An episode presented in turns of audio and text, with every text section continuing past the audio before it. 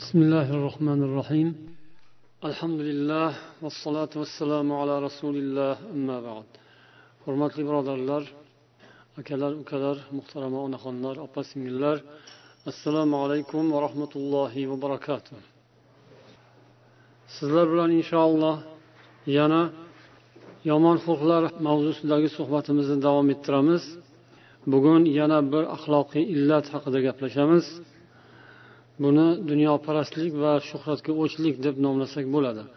Nazroti naimda at takasur degan modda bor mana shuning tarjimasi. At takasur biroz kengroq ma'noni qamrab oladi.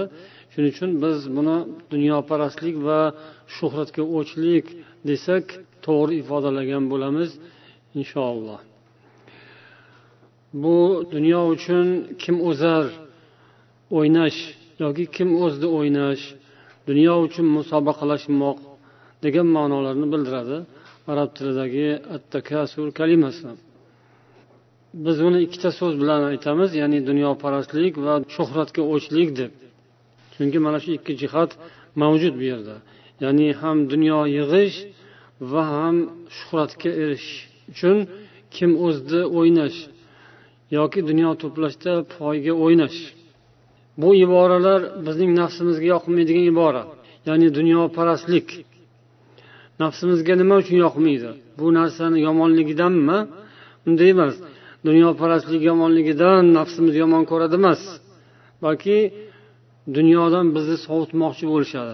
Bu gap bilan nafsimiz shunaqa deb o'ylaydi. Shuning uchun nafsga yoqmaydi. Chunki nafs dunyoni yaxshi ko'radi. Nafs shu dunyo bilan tirikman dunyo bilan man mavjudman borman deydi. Endi ikkinchi tomoni bor.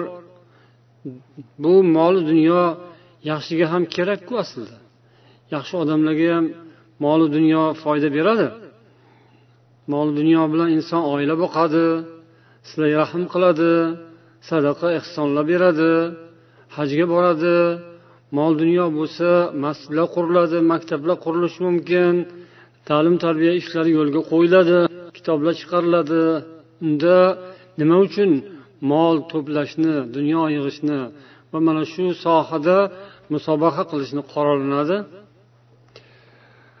mol dunyo kerakli narsa ekanligi haqida olloh ham qur'oni karimda aytgan payg'ambarimiz ham sollallohu alayhi vasallam aytganlar ولا تؤتوا السفهاء أموالكم التي جعل الله لكم قياما degan sizlarning mavjudligingiz sababchisi qilib qo'ygan olloh sizlarning tirikligingiz mavjudligingiz sababchisi qilib qo'ygan mollaringizni aqli pastlarga bermang degan وقد جعل الله الأموال للناس لتقوم بها معاشاتهم وتجارتهم وتثبت بها منافعهم ومرافقهم deb yozadilar asad havmat mana shu oyatning tafsirida ya'ni bu mol dunyoni olloh sizlarning tirikligingiz hayotingiz kuningiz o'tishi va tijoratlaringiz yurishi va dunyoviy manfaatlaringiz hosil bo'lishi uchun sababchi qilib qo'ygan degan. Hadisda kelgan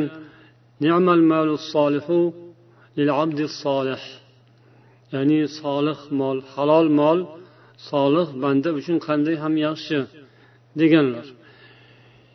Endi shundoq ekan nima uchun unda alloh taolo rasululloh sollallohu alayhi vasallamga va u kishiga ergashgan sahobalarga makka davrida o'n yildan ortiq muddat davomida boylik bermadi. Kambag'allik muhtojlik faqirlik qullikda ular azob chekishdi. Ularga azob beradiganlar hammasi boylar bo'ldi va keyinchalik boylar ham islomga kelishdi lekin kam miqdorda. Asosiy islom iymonga kelganlar kambag'allar faqirlar va qullar bo'lishdi. Alloh taolo mana shu ko'p payg'ambar sollallohu alayhi vasallamning payg'ambarlik muddatlari yigirma uch yil davom etgan bo'lsa buni ko'p qismida alloh ularga faqirlik bergan ya'ni boylik bermagan.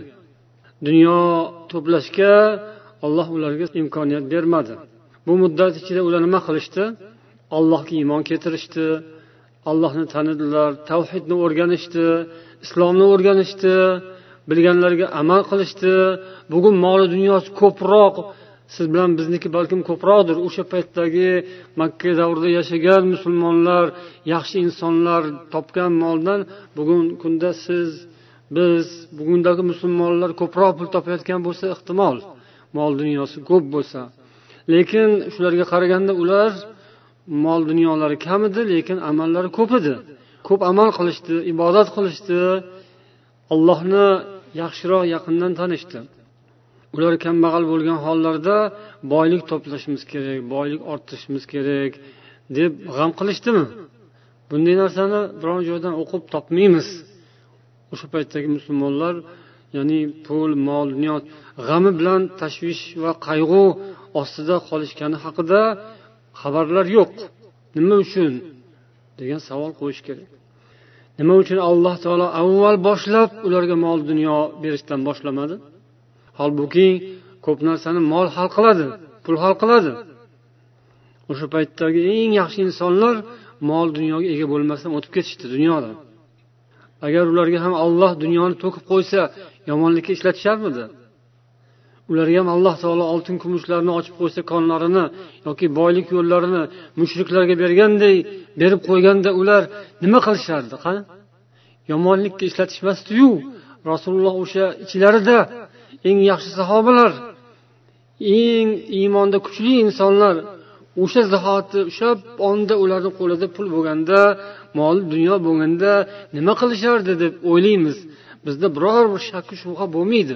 Ya'ni ular mol dunyo qo'llarida bo'lganda boshqa narsalarga ishlatib yuborishardida islom qolib ketardida da'vat qolib ketardida deb bironta odam ayta oladimi? Yo'q. Lekin shunday bo'lsa ham alloh nima uchun ularga bermadi?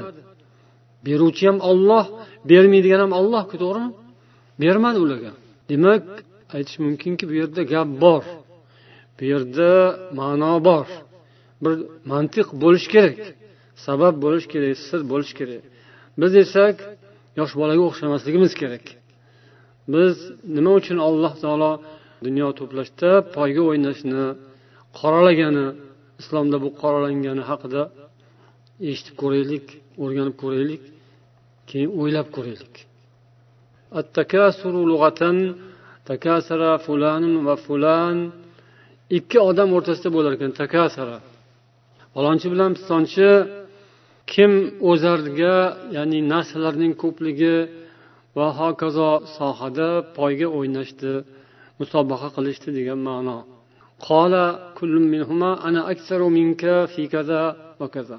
Har ikkisi mana mana bu narsam ko'p man sandan ko'ra mana unda ustunroqman deyish. Shu takasara. Kof sin r o'zaga kasura kalimasidan olingan.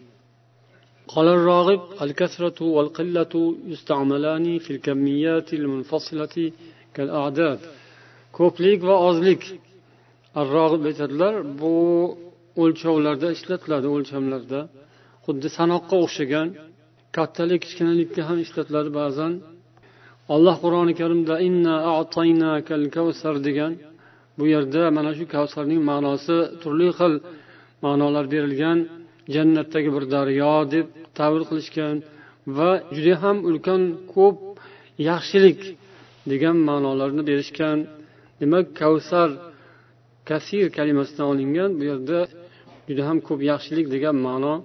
Yana bir ma'noda va xayru dunyo val oxira dunyo va oxirat yaxshiligi degan ma'noni ham berishgan.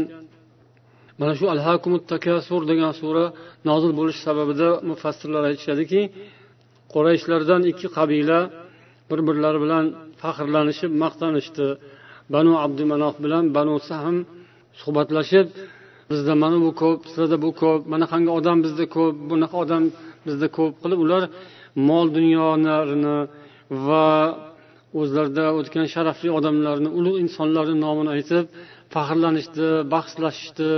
Kim o'zar qilishdi ya'ni. Ya'ni kimda yaxshi odamdan ko'p o'tgan ekan deb yomon narsalar haqida gapirishmadi. Yaxshi narsalar haqida mashhur odamlar haqida gapirishdi. Shundan keyin olloh mana shu surani nozil qildi deydilar. Takasur. Takasur sizlarni chalg'itib qo'ydi. Ya'ni kim o'zar dunyo sohasida kim o'zarlikka berilish sizlarni chalg'itdi to qabrlarga yetib borguningizcha ya'ni sizlar mana shunday narsalarga berilib dunyo sohasida kim o'zarga kirishib qabrga borib qolganingizni bilmay qoldingiz ya'ni to qabrga yetguningizga qadar dunyo sizlarni chalg'itdi degan ma'no ekan allohu alam قال الراغب التكاثر التباري في كثرة المال والعز bu takasurning islohiy ma'nosi mol dunyo va izzat shuhratda bir biri bilan poyga o'ynash. Ibn qayim aytadilarki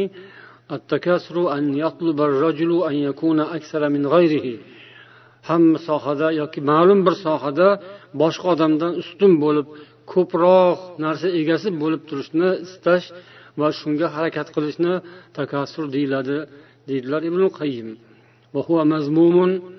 bu qoralanadigan sifat illo alloh taologa yaqinlashtiradigan holatda bo'lsa mustasno ya'ni mazmum emas. Agar u allohga yaqinlashishga xizmat qilayotgan bo'lsa yaxshi ekan. Mana shu nuqtasi bor ya'ni ko'p odamlarni yo o'ziga tortadigan yoki o'ziga niqob qilib oladigan nuqta shu. Bu chiroyli parda. Shuni bunday oldiga to'sib olsa u yoqdagi odam to'xtaydi. Ya'ni alloh taologa yaqinlashish uchun alloh roziligini topish uchun qilamiz yoki qilyapmiz degan so'z. Haqiqatdan shunday bo'lsa yaxshi lekin uning haqiqatan shundaymi yoki shunday emasligini qayerdan bilib bo'ladi? Insonning o'ziga ma'lum bo'ladi. Avvalo undan keyin u odamni qilayotgan ishidan ma'lum bo'ladi. O'zini tutishidan gap so'zlaridan va amalidan uni nima maqsadi borligi ma'lum bo'lishi mumkin. Yana ibn qayyim rahimaulloh mana shu takasurning sohalarini yozgan ekanlar. Ya'ni dunyo uchun poyga o'ynash hamma sohada bo'ladi. Faqat pulni o'zida emas. Bizni tushunganimiz ko'proq pulda. Moli dunyo to'plashda poyga o'ynash degan narsani tez tushunamiz. Ya'ni inson zehniga xayoliga tez keladi shu narsa. Lekin ulamolar buning sohasi kengroq ekanini aytishadi.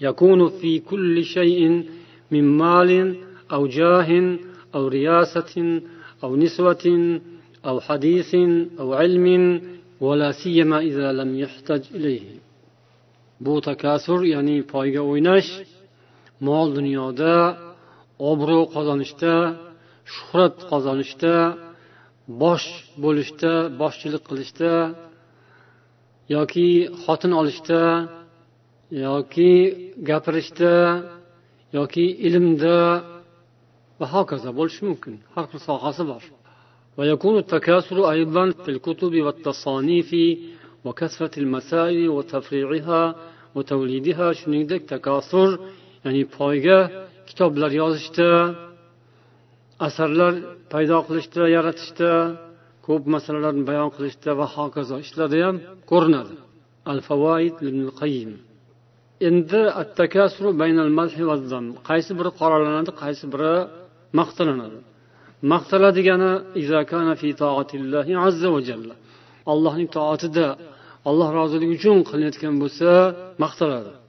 Payg'ambarimiz sollallohu alayhi vasallam aytdilar deydilar imom ahmad rivoyat qilgan hadisda abu said al hudriy roziyallohu anhu istaksiru minal baqiyati solihat boqiyoti solihotni ko'paytiringlar dedilar rasululloh sollallohu alayhi vasallam al baqiyat boqiy qoluvchi umrbod abadiy qoluvchi narsalar. As solihat solih foydali yaxshi amallar. Demak yaxshi amallar ikki xil sifatda keladi yaxshi amallar va abadiy qoluvchi. Abadiy qoladigan oxiratga umrboqiy ketadigan narsalarni ko'paytiringlar. Demak solih amal bo'lib abadiy qolmaydigan yo'q bo'lib ketadiganlar ham bo'lar ekan. Yoki deylik abadiy qolib o'zi yomon bo'lib tug'ilgan paydo bo'lgan yomonligicha qolib abadiy qoladigani ham bo'lishi mumkin ekan. Alloh asrasin. Abadiy qoluvchi solih amallarni ko'paytiringlar. Bu nima deb so'rashdi sahobalar? Qola al millatu al milla deb javob berdilar. Uch marotaba. qiyla vamal millatu al millat nima deb so'rashdi keyin payg'ambar sollallohu alayhi vasallam aytdilar at takbiru والتهليل والتسبيح والتحميد ولا حول ولا قوة إلا بالله العلي العظيم dedilar mana shular demak shularni ko'paytiringlar dedilar ibodatni solih amalni yaxshi amalni ko'paytiringlar deb buyurdilar molni pulni ko'paytiringlar deb boylikni to'planglar ko'paytiringlar deb aytmadilar أما إذا كان التكاثر في غير ذلك من الأعراض الزائلة من المال والولد ونحوهما فإنه مذموم ومنهي عنه شرعا أما من bulardan boshqa narsa bo'lsa yuqorida aytilgan solih amallardan boshqasi bo'lsa zoil bo'lib yo'q bo'lib ketadigan moldan yoki zurriyotlardan farzandlardan va shunga o'xshagan narsalar bular mazmun qoralanadi imom ya'ni bu yerda molniki tushunarli lekin bola chaqaniki biroz tushunarsiz bo'lishi mumkin. Bola chaqa qilish ularni ko'paytirish mamnumi mazmunmi degan savol tug'ilishi mumkin. Agar o'sha olloh roziligidan ayrilgan holda dunyo uchun shuhrat uchun kuch quvvat uchun va ta'sir kuchini kengaytirish uchun bo'lsa demak qoralanadi ya'ni bu dunyo xalqlarining maqsadi shu ya'ni qaysi bir davlatning odami fuqarosi ko'p bo'lsa askari ko'p bo'ladi. Va o'sha kuchli bo'ladi armiyasi kuchli bo'ladi. Qadimda ham shunaqa. Nima uchun o'g'il bola tug'ilganda xursand bo'lib qiz bola tug'ilganda xafa bo'lgan chunki o'g'il bola keyin askar bo'ladi. Ya'ni u kuch quvvat sababchisi va hokazo. Mana shu narsa demak qoralanadi. Dunyo uchun bo'lsa ba'zilar shunday deb maqtanadiku haqiqatdan. Ya'ni qilayotgan amalida ibodatlarida bir ibrat yo'q. Uning so'zida amalida harakatida xulqida ibrat yo'q odamlar. Bola chaqasini sanab maqtanadiku. Mana shuncha o'g'li bor mana shuncha nevara ko'rdi mana shuncha kuyov ko'rdi mana shuncha kelin ko'rdi. Hokazo. Lekin uni o'zini qilayotgan amalida bir ibrat oladigan narsa yo'q. Ibodatlari yoki bir xulqi atvori yurish turishida odamlarga bu ibrat bo'ladigan narsa yo'q. Ammo albatta bola chaqani ko'pligini aytib maqtanadi. mana shu demak qoronani degan yana aytadilar ibn qayyim kullu ma yakasiru bihi al-abdu ghayrahu siwa ta'atillahi va rasulihi va ma ya'udu alayhi بنفع معاده فهو داخل في التكاسل المذموم oxiratda foyda keltirmaydigan ko'plik qoralanadi nima soha bo'lsa ham oxiratda foydasi yo'qmi u qoralanadi insonni chalg'itadi mashg'ul qilib qo'yadi oxiratdan.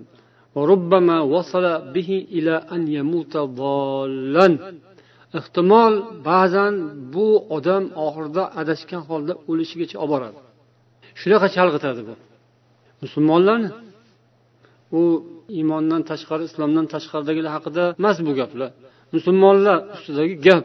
Musulmonlar allohga iymon keltirib turib ibodat qila turib mana shunaqa narsani ko'paytirishga oxiratda foydasi bo'lmaydigan ishlarni ko'paytirishga berilgan bo'lsa borib borib oxirida shu yo'lda adashgan holda o'lishiga borishi ham mumkin ekan dunyo poygasi bu. Mol dunyo poygasi. Ichida hamma narsasi bor. Obro' mansab o'zini katta tutish o'zini ta'sirini o'tkazish va hokazo. Bu boradagi poyga. Buning sababi nima? buning mag'zida nima yotadi deyilsa attakasuru va hubbu dunyo takasur va hubbu dunyo ikkalasi yonma bo'ladi إن إيثار الحياة الدنيا والاغترار بها والخلود إليها هي العوامل الأساسية التي تدعو إلى التكاثر في المال أو الجاه inson dunyo hayotini yaxshi ko'rishi mana shu hayotga mag'rur bo'lishi shu dunyodagi tirikchiligi hayotiga mag'rur bo'lib shu yerda ko'proq yashash ilinjida bo'lishi asosiy omillardandir. Insonni shu takasurga molu obro' shuhratda ko'proq va kengroq doirani egallashga sabab bo'ladigan narsa shu. Ya'ni dunyoni yaxshi ko'rish pul molning muhabbati uni qalbiga jo bo'lishi dunyo hayotini yaxshi ko'rish afzal bilish o'sha narsalarga yetaklaydi mana shu dunyoga muhabbat o'shani ko'paytiradi. Ko'proq bo'lishi kerak mustahkam bo'lishi kerak. Insonni harakati shu bilan bo'lib qoladi. Bu odam o'limga tayyorgarlik ko'rmaydi. Bu odam o'limni o'ylamaydi. O'limni o'ylasa o'sha tomonga moslashadi. Lekin u o'limni emas hayotni o'ylaydi. Faqat shu dunyo hayotini o'ylaydi oxirat hayotini qabr hayotini tasavvur qilishga istamaydi. Ya'ni dilidan chiqarib tashlashga harakat qiladi. Xayoliga keltirmaydi o'zini xafa qilgisi kelmaydi ya'ni. Ularni iborasi bilan aytganda shunaqa. O'zini o'zi xafa qilmaydi deydi.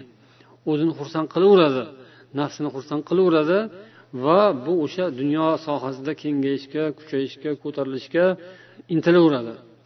U odam o'lmaydigandek o'zini his qiladi.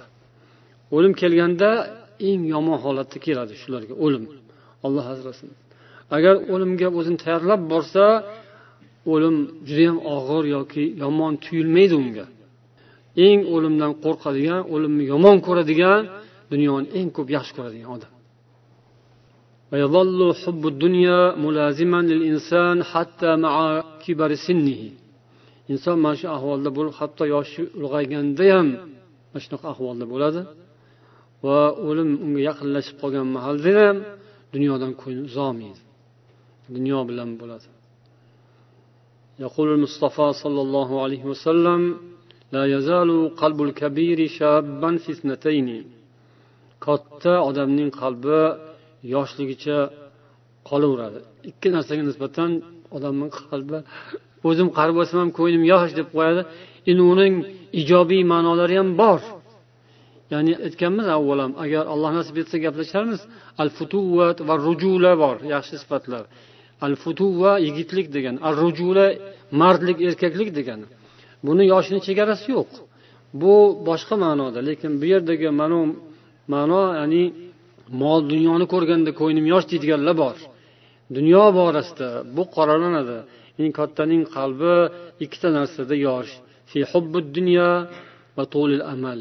Dunyo yaxshi ko'rishda va orzu havasda orzu havaslar yosh. Ko'krab yashnab turadi. Doim meva berib gullar ochib turadi. Doim yangi yangi narsalarni o'rgatib turadi boshlab turadi. O'shanday narsalar qoralanadi ravohil buxoriy.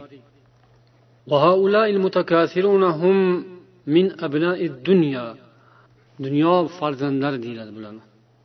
Allazina ilayhim ali ibn abi hazrati ali bularga ishora qilib aytganlar.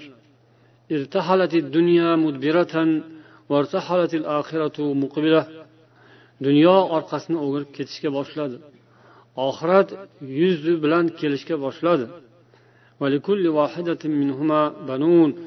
Bu har ikkisining bolalari bor. Min oxirat bolalaridan bo'linglar. Min dunya. Dunyo bolalari bo'lmanglar.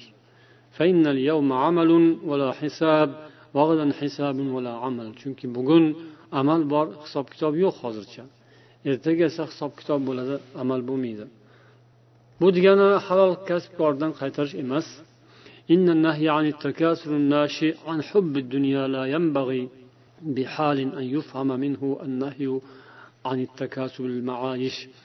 Bu mol dunyoga hirs qo'yishdan qaytarish dunyoni yaxshi ko'rishdan qaytarish dunyo borasida poyga o'ynashdan qaytarish degani hech qachon pokiza rizq izlash halol mehnat qilishdan qaytarish degani emas. Bunday deb tushunilishi kerak emas.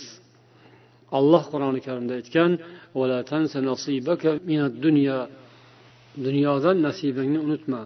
Yoki yuqorida o'tgan oyatda ham ya'ni moli dunyoga olloh o'zining bergan bahosida. Ibnul javziy bu borada yozib ba'zi odamlar dunyodan voz kechishda haddan oshishgan va ular mohiyatni haqiqatni tushunmagan holatda dinni noto'g'ri tushungan holatda tarki dunyochilikka berilishgan inson ollohni taniydigan bo'lib dinni tushunib o'rganishga xizmat qiladigan sohada bo'lishi ya'ni o'sha ruhda ana shunday e'tiqod bilan inson boylikka ega bo'lishi qoralanmaydi lekin لا أفعل الجاهل المتكاثر فإن لنا أن الذم إنما هو بأفعال الجاهل المتكاثر يعني جاهل molparastning ishi qoralanadi yoki avil maasi al mufsid yoki fosid mufsid buzg'unchi kimsalarning ishi alloh taoloning nazdida dunyoning tarifi اعلموا أنما الحياة الدنيا لعب ولهو وزينة وتفاخر بينكم وتكاثر في الأموال والأولاد Bilinglarki bu dunyo hayoti faqat o'yin behuda harakat zebu ziynat o'zaro maqtanchoqlik va mol dunyo va farzandlar ko'pligi bilan faxrlanishdan iboratdir. Bu alloh taolo qur'oni karimda hadid surasining yigirmanchi oyatida dunyoga bergan allohning tarifi. Ya'ni dunyo hayoti asosan ko'p odam uchun shundan iborat. Ya'ni maqtanish kekkayish o'ziga bino qo'yish o'zining boyliklari va zebu ziynatlarni odamlarga ko'z ko'z qilish bilan quvonib shu bilan rohat qilib lazzat qilib o'tish va shuni yana ham ko'paytirish mustahkamlash yo'lidagi harakatdan iborat الله يبسط الرزق لمن يشاء ويقدر وفرحوا بالحياة الدنيا وما الحياة الدنيا في الآخرة إلا متاع olloh rizqni xohlagan bandasiga keng qilib qo'yadi. Xohlagan bandasiga o'lchab qo'yadi. Ya'ni kamaytirib qo'yadi. Ollohdan uzoqlashganlar dunyo hayoti bilan xursand bo'ldilar. Dunyo hayoti oxirat oldida bir matah xolos. Dunyo hayotiga berilganlar xursand bo'lishadi shu hayot bilan shu topgan tutganlari bilan. Lekin oxiratniki oldida bu dunyodagi topilgan tutilganlar matah matah degani arzimagan narsa degani alloh dunyoning hammasini mato dedi. Mato yo matah deb tarjima qilinishi mumkin. Matah degani past narsa. Oliy shu matahingni degan iborani qo'llashadi bir narsani. Tashlab yuborish kerak bo'lsa. Yoki shu matahni talashma deydi. Shunaqa past o'rinlarda gapirishadi. Bir matode bu endi. Nima bo'lardi? Bir matode deb qo'yishadi. Mato deb bu gazlamani ham aytiladi o'zi? Buni ma'nosi biroz kengayadi. Endi bir misol keltirib o'taylik mana shu yerda. Tushunishimizga inshaalloh yordam bo'ladi deb o'ylayman. Matoh deganni. Biz buni agar obro'sini sal ko'tarib gapirsak mana second hand degan magazinlar bo'ladiyu buni second hand deganimiz bizning markaziy osiyoda shunaqa deb tushunishadi. Loppis desa tushunmaydi ular. Loppisni shvetsiyada tushunadi. Qozog'istonda second hand bo'lardi. Endi yangi kirib borgan tijorat turi. Biz agar shu matahni obro'sini sal ko'tarsak shu second handdagi mollarga o'xshatishimiz mumkin. Aslida kimlardir tashlab yuborgan mollarda u. Endi o'zbekistonda qozog'istonda unaqa bo'lmasa ham lekin yevropada ko'proq shunaqa. Ya'ni tashlab yuboriladigan olib chiqib tashlangan mol bo'ladi. Uni kimlardir yig'ishtirib olib borib magazin qiladi. O'sha egasiga kerak bo'lmay olib chiqib tashlagan mol kimgadir kerak. O'sha egalari nima uchun tashlab yuborgan? Uyiga sig'may qoladi yo ko'ziga xunuk ko'rinib qoladi? Yangisini oladi o'zi yoki olmoqchi bo'ladi. O'sha mollarni uydan olib chiqib tashqariga qo'yib qo'yadi yoki bir uychalar bor mana sariq uy deb qo'yishadi o'sha sariq uychaga olib borib qo'yadi. Divanlar karavotlar har xil qimmatbaho narsalar ham bo'ladi ularni ichida. Olib chiqib tashlayotgan odamni boyligiga qaraydida boyroq bo'lsa qimmatroq narsani olib chiqib tashlaydi. Kambag'alroq bo'lsa arzonroq narsani olib chiqib tashlaydi o'ziga yarasha. Yangisini oladi o'shalar. Ishlatilganini olmaydi. Ya'ni boy badavlat odamlar. Eski birov ishlatgan mol ba'zilar yomon ko'radi. Ba'zilar olaveradi. Muhtojlik hammada har xil. Yangisini oldida endi yomon bo'lib qoladi. Yangisini oldida eskisi xunuk bo'ladi. Hamma vaqt. Bu dunyoni hamma molni yig'ishtirib kelib oxiratnikini oldiga solishtirsak agar bizning qosir taqqosimiz bo'yicha shu second handning moli bu dunyoning qasrlari ham u dubayda qurilgan sakkiz yuz necha metrli imorat ham necha milliardga tushgan bo'lsa yoki boshqa yana qayerda nima qimmat narsa bor aytinglar. Qayerda qanaqa bir zo'r hasham bor o'shalarni hammasini yig'ishib kelganda aslida hadisda pashshani qanoti ham emas deganlar rasululloh sollallohu alayhi vasallam eng to'g'risi o'sha bizniki undan beriroqda ko'zimizga yaqinroq bo'lishi uchun. Hozir bu yerda pashshani ham topish qiyinku endi. Onda sonda bir ko'rasiz pashshani lekin loppisni har qadamda ko'rasiz. Second hand hozir o'zbekiston ham tushunadi qozog'iston ham tushunadi. O'sha yerdagi mollarni ba'zilar olmaydi. Kirmaydi umuman qadam bosmaydigan odamlar bor. Arabistonda shunaqa bozorlar bor. Badavlat millionerlar borishga uyaladigan bozorlar bor. U bozor sekend emas. U bozor ishlatilgan narsalar sotiladigan bozor emas. U bozor xitoydan kelgan mollarni bozori. Arzonroq arzon bo'lib ham hammasi bir xil emas. Uni ham ichida qimmatlari bor boshqalar bor. Sovuq barid degani bo'ladi. Millionerlar boradigan sovuq bozor degani. Ya'ni salqin bozor. Bu haligi turqi sovuq basharasi sovuq degan ma'noda emas. Arablarda ko'p issiq bo'lgani uchun sovuq degan so'z ularga yoqadi. Hali sovuq mamlakatlardagilarga issiq yoqadi. Issiq mamlakatlarga sovuq yoqadi. Judayam bir sovuq muzdek ya'ni o'zbekistonda yashaganmiz alhamdulillah sizlarga ham bizga ham sovuq qanday qadrli ya'ni salqin havo kun isib ketgan paytda ellik gradusga chiqib ketgan mahalda salqin havo qanday yoqadi? Arabistonda o'shanaqa bozorlar bor. Ya'ni salqin muzdek rohat qilishadi. O'sha yerlarga borib o'sha yerdan olishadi. Xuddi o'sha mol oddiy xalq bilan savdo qilinadigan bozorda o'sha mol o'n barobar arzon farqi yo'q. Lekin u sovuq bozorga kirgandan keyin o'zidan o'zi qimmatlab ketadi. Arzon narsalar ham qimmatlab ketadi. Boylar o'shanaqa joyga borishadi. Ani bozorlarga umuman borishmaydi qadam bosishmaydi yaqin borishmaydi yonidan o'tishmaydi. Chunki u obro'lariga putur yetkazadi. Shu darajada. O'shanaqa mol. Bu dunyoning moli o'zi vallohu alam shunday desak bo'ladi. Endi yana mana shu misoldan ikkinchi bir ibrat ham bor ekan. Shu ya'ni ishlatib tashlab yuborilgan mollarni yana bir misoli. Molni uydan chiqarib tashlaydigan odam puli ko'p odam dedik. Tez tez yangi yangilardan istagancha olib turadigan odam ba'zilar bilib oladi ba'zilar bilmasdan ham oladi. Ba'zilar o'rinli oladi ba'zilar o'rinsiz oladi. Ba'zi odam magazinga kirishni bilmaydi bozorga borishni bilmaydi desa bo'ladi.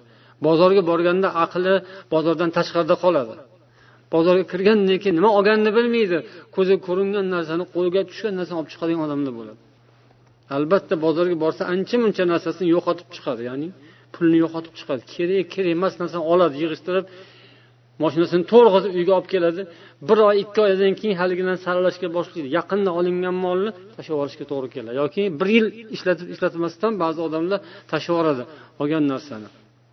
O'shanga mehnat ketgan mehnat singan pul ketgan endi kerak emasga aylangan. Bu nimani ko'rsatadi. Dunyo ko'paytirishning misoli shu. Kichkina misoli. Dunyoni telba teskari yig'ib vaqtini fikrini quvvatini hamma qobiliyatlarini talantlarini san'atlarini shunga dunyoni ko'paytirishga sarf qilgan odam sig'may qoladi u hali uyga eskib qoladi. Keyin yangi narsani olib chiqib tashlaydi yoki modani ketidan quvgan uni yangisi chiqadi apparatni eskisini hali buzilmagan olib chiqib tashlaydi. Uni odamlar oladi keyin pulga. Shu bilan tirikchilik qiladiganlar bor dunyoda. Mana shunday misollarini qarab ko'rsangiz dunyoni yana sal tuzukroq tushunsak kerak. Ya'ni yaxshiroq tanisak kerak bu biz yashab turgan va biz foydalanayotgan dunyo. Shu dunyosiz bo'lmaydi ishlar albatta. Bundan foydalanish kerak va buni topish kerak to'g'ri. Lekin topganda qanday topish kerak? Gap shu yerda. Yana bir misoliki mana yaqinda bir birodar misol qilib bergan. Bir kampir uyda o'lib qolgan bir necha kun yotgan. Uni qarindoshlari bor yo'q farqi yo'q. Bor bo'lsa ham yo'qdek xabar olmaydi ko'rgani kelmaydi. Juda bir yaxshi bo'lsa yilda bir marta tug'ilgan kuni bo'ladi yoki bir bayram bo'ladi o'shanda ko'rishadi. Bo'lmasam ko'rishmaydi. Endi u tug'ilgan kungacha yotish kerak u o'lik. Ular kelib uni topish uchun bilish uchun yoki bayram bo'lishi kerak uni o'ligini ko'rish uchun. Allohu alam. O'lib qolgan bir necha kun yotgan keyin uy beradigan idora xabar olib o'shalar bilgan uni o'lganini. Keyin u magazinga telefon qilgan ular. Olinglar narsani olib ketinglar deb bizga uy kerak. Chunki uy idorasiga ham kerak emas u yerda divan karavot gilam televizor va hokazo narsalar ularga ham kerak emas. Uy ularga kerak. Uyni egasi ya'ni. Uyni birovga topshirish kerak. Olib bo'shatib o'likni boshqalar olib ketgan narsalarni keyin magazindan kelib olib ketishgan ikkita mashinaga yuklab. Ular yana o'sha haligi lopisga magazinga qo'yib ular sotiladi endi. Bu ham bir misol dunyoni bir misoli o'ldi qoldi hamma narsa. dunyoga berilgan odam adashgan holda o'ladi deb yuqorida aytildi الذين يستحبون الحياة الدنيا على الآخرة ويصدون عن سبيل الله ويبغونها عوجا أولئك في ضلال بعيد dunyo hayotini oxiratdan ustun qo'yadiganlar va allohning yo'lidan boshqalarni to'sadiganlar va noto'g'ri buzg'unchi yo'llarga boshlaydiganlar ana ular haqdan nihoyatda uzoqlashib ketgan adashgan kimsalardir adashgan yo'ldagi odamlardir deydi alloh taolo ya'ni dunyo hayotini oxiratdan ustun qo'yadigan odamlar haqida ana oysha roziyallohu anhu qolat قال رسول الله صلى الله عليه وسلم الدنيا دار من لا دار له ولها يجمع من لا عقل له dunyo uyi yo'qlarning uyi dunyoni aqli yo'q odamlar yig'adi Ravohu ahmad ya'ni boradigan joyi yo'q joyi dunyo. O'shalar qattiqroq yopishishi kerak ya'ni topolmay topolmay topganini mahkam ushlaydiku odam. Zo'rg'a yurib yurib bir mustaqil uyga ega bo'lgan odam uchun uy qanday qadrli bo'ladi? La havla la quvvata illa billah. O'lsa boradigan joyi yo'q oxirat yo'q jannat yo'q odamlar uchun uy shu dunyo bog'rog'u hammasi shu dunyo. va aqlini ishlatmaydigan odamlar muhabbat bilan to'playdi dunyoni juda mehr bilan yig'adi dunyoni juda sanaganda ham alohida bir e'tibor berib sanaydi لا حول ولا قوة إلا بالله قال رسول الله صلى الله عليه وسلم ما أخشى عليكم الفقر man sizlar uchun kambag'allikdan qo'rqmayman valakin axsha alaykumut takasur lekin takasurdan qo'rqaman Sizlar uchun. Ya'ni dunyo borasida musobaqaga kirib ketishingizdan qo'rqaman dedilar. Xato. Qilishingizdan qo'rqmayman. Lekin qasddan qo'rqaman. Sizlar qasd qilib ataylabdan qiladigan ishinglardan qo'rqaman. Ya'ni bilmasdan qilib qo'yish boshqa. Ataylab bilib turib qasddan qilish yomon. Demak musulmonlar kelajakda kambag'al va faqirlikdan azob chekishdan rasululloh sollallohu alayhi vasallam qo'rqmaganlar. Biz ham qo'rqmaylik. Xulosa shu. Kambag'allikdan faqirlikdan qo'rqish kerak emas balki takosurdan qo'rqish kerak. Ya'ni kim o'zardan qo'rqish kerak? Bugungi kunda shu mol to'playotganlarni ko'pini harakatga soladigan narsa mana shu kim o'zar? Ya'ni u yoqqa bu yoqqa qaraydida keyin u harakatga tushadi? Agar atrofda qaraydigan joy bo'lmasa ancha muncha odam ham o'lchaydigani taqqoslaydigan narsasi bo'lmagani uchun sal pasayib qoladi. Bir joyda bitta narsa ochiladi ko'rinadi keyin u yoqdan yana bittasi boshini ko'taradi. Bir birini ko'rib bosh ko'taradi. Ko'rmasa yo'q. Xuddi haligi hayvon ham qo'y bor odamlar bitta qo'y bo'lsa albatta ikkita qo'y bo'lishi kerak deb turishadiku nima uchun? Semirmaydi bo'lmasa ikkita qo'y bo'lsa semiradi. Nima uchun? Bir birini yeganini ko'rib yegisi kelaveradi yana yeyaveradi. Qorni to'yganini ham bilmasdan yeyaveradi. Hatto bolani ham shunday deyishadi. Bitta bolam yakka o'zi bo'lsa ovqat yemayapti qo'shni bolasini chaqiradi yo boshqa qiladi. Ikki kishi bo'lsa yaxshiroq yeydi deydi. Shunga o'xshab boy ham bitta o'zi bo'lsa musobaqalashadigan odam bo'lmasa judayam boyib ketolmaydi. Mahallada bitta boy bo'lsa agar. Ikkita bo'lsin ikki tomonda turib olib bir biri bilan musobaqa o'ynaydi. Shundan qo'rqaman deganlar rasululloh sollallohu alayhi vasallam. Sizlar bir biringlarga qaraysizlar chiqib uyinglarni ko'rib chiqasizlar kiygan kiyimini ko'rasizlar moshinaga qaraysizlar yaqinda olingan edi yoki qo'shni yangilabdi. Man ham yangilashim kerak. Uyga aboy yoki gulli qog'oz yopishtiribdi. Modadan qoldi uni shilib tashlash kerak endi. Boshqasini yopishtirish kerak. Yoki hozir parket pol moda bo'lgan. Uni oddiy yaxshi hali bus butun polni ko'chirib tashlab o'rniga parket yotqizish kerak. Pardalar hozir modadan qoldi. Endi emiratga borib boshqasini olib kelishayotgan ekan. Turkiyaniki qolib ketibdi. Yana tomlar va hokazo. Endi qarang dunyoda odamlar qanday yashayapti? Isrof haqidagi mavzuda ham ozgina aytib o'tdik. Dunyodagi ocharchiliklar qahatchilik yo'qchilik yoki urushlar. Bularni ko'p ildizlari boylikka borib taqaladi. Ya'ni shu boy badavlatlar baxillar sarf qilish kerak bo'lgan joyda ham baxil bo'ladi va o'ziga kelganda nima qiladi? O'sha odam isrof qiladi. Isrofgarchilik isrof odam baxil ham beradigan joyga bermaydi cho'zib yuradi o'ziga kelganda rosa sochadi. Kerak emas narsani oladi. Qimmat narsalarni oladi. O'ziga bolasiga o'zini uyiga shunaqa qiladi isrof kunandalikni qiladi. Buni katta miqdori ham shunaqa katta bir hajmda olsangiz davlatlar ham shunaqa qiladi. Beradigan joyga bermaydi xalqqa bermaydi yoki boshqa bir qo'shni xalqqa bermaydi odamlar ochlikdan o'ladi bu yoqda bular tomoshaga pul sarflaydi isrof qiladi. Mana shu samali bo'lsin yoki boshqa yerlarda ochlikdan o'layotganlar kambag'allikdan emasmi degan savol qo'yish mumkin. Kambag'allikdan qo'rqmaylik degandan keyin mana shu savolni keltirsa bo'ladi uni muqobilga. Nimaga qo'rqmaymiz? Kambag'allikdan o'layotganlar somalida ochlikdan o'layotganlarga pul kerak emasmi? O'shalarga odamlar pul yig'ishyaptiku sadaqa yig'ilyaptiku pulku o'sha pulga keyin guruch oladi keyin un olish mumkinda nimaga kambag'allikdan qo'rqish kerak emas? deb savol qo'ysa mantiqqa to'g'ri keladiganga o'xshaydi. Juda aqlli savolga o'xshaydi.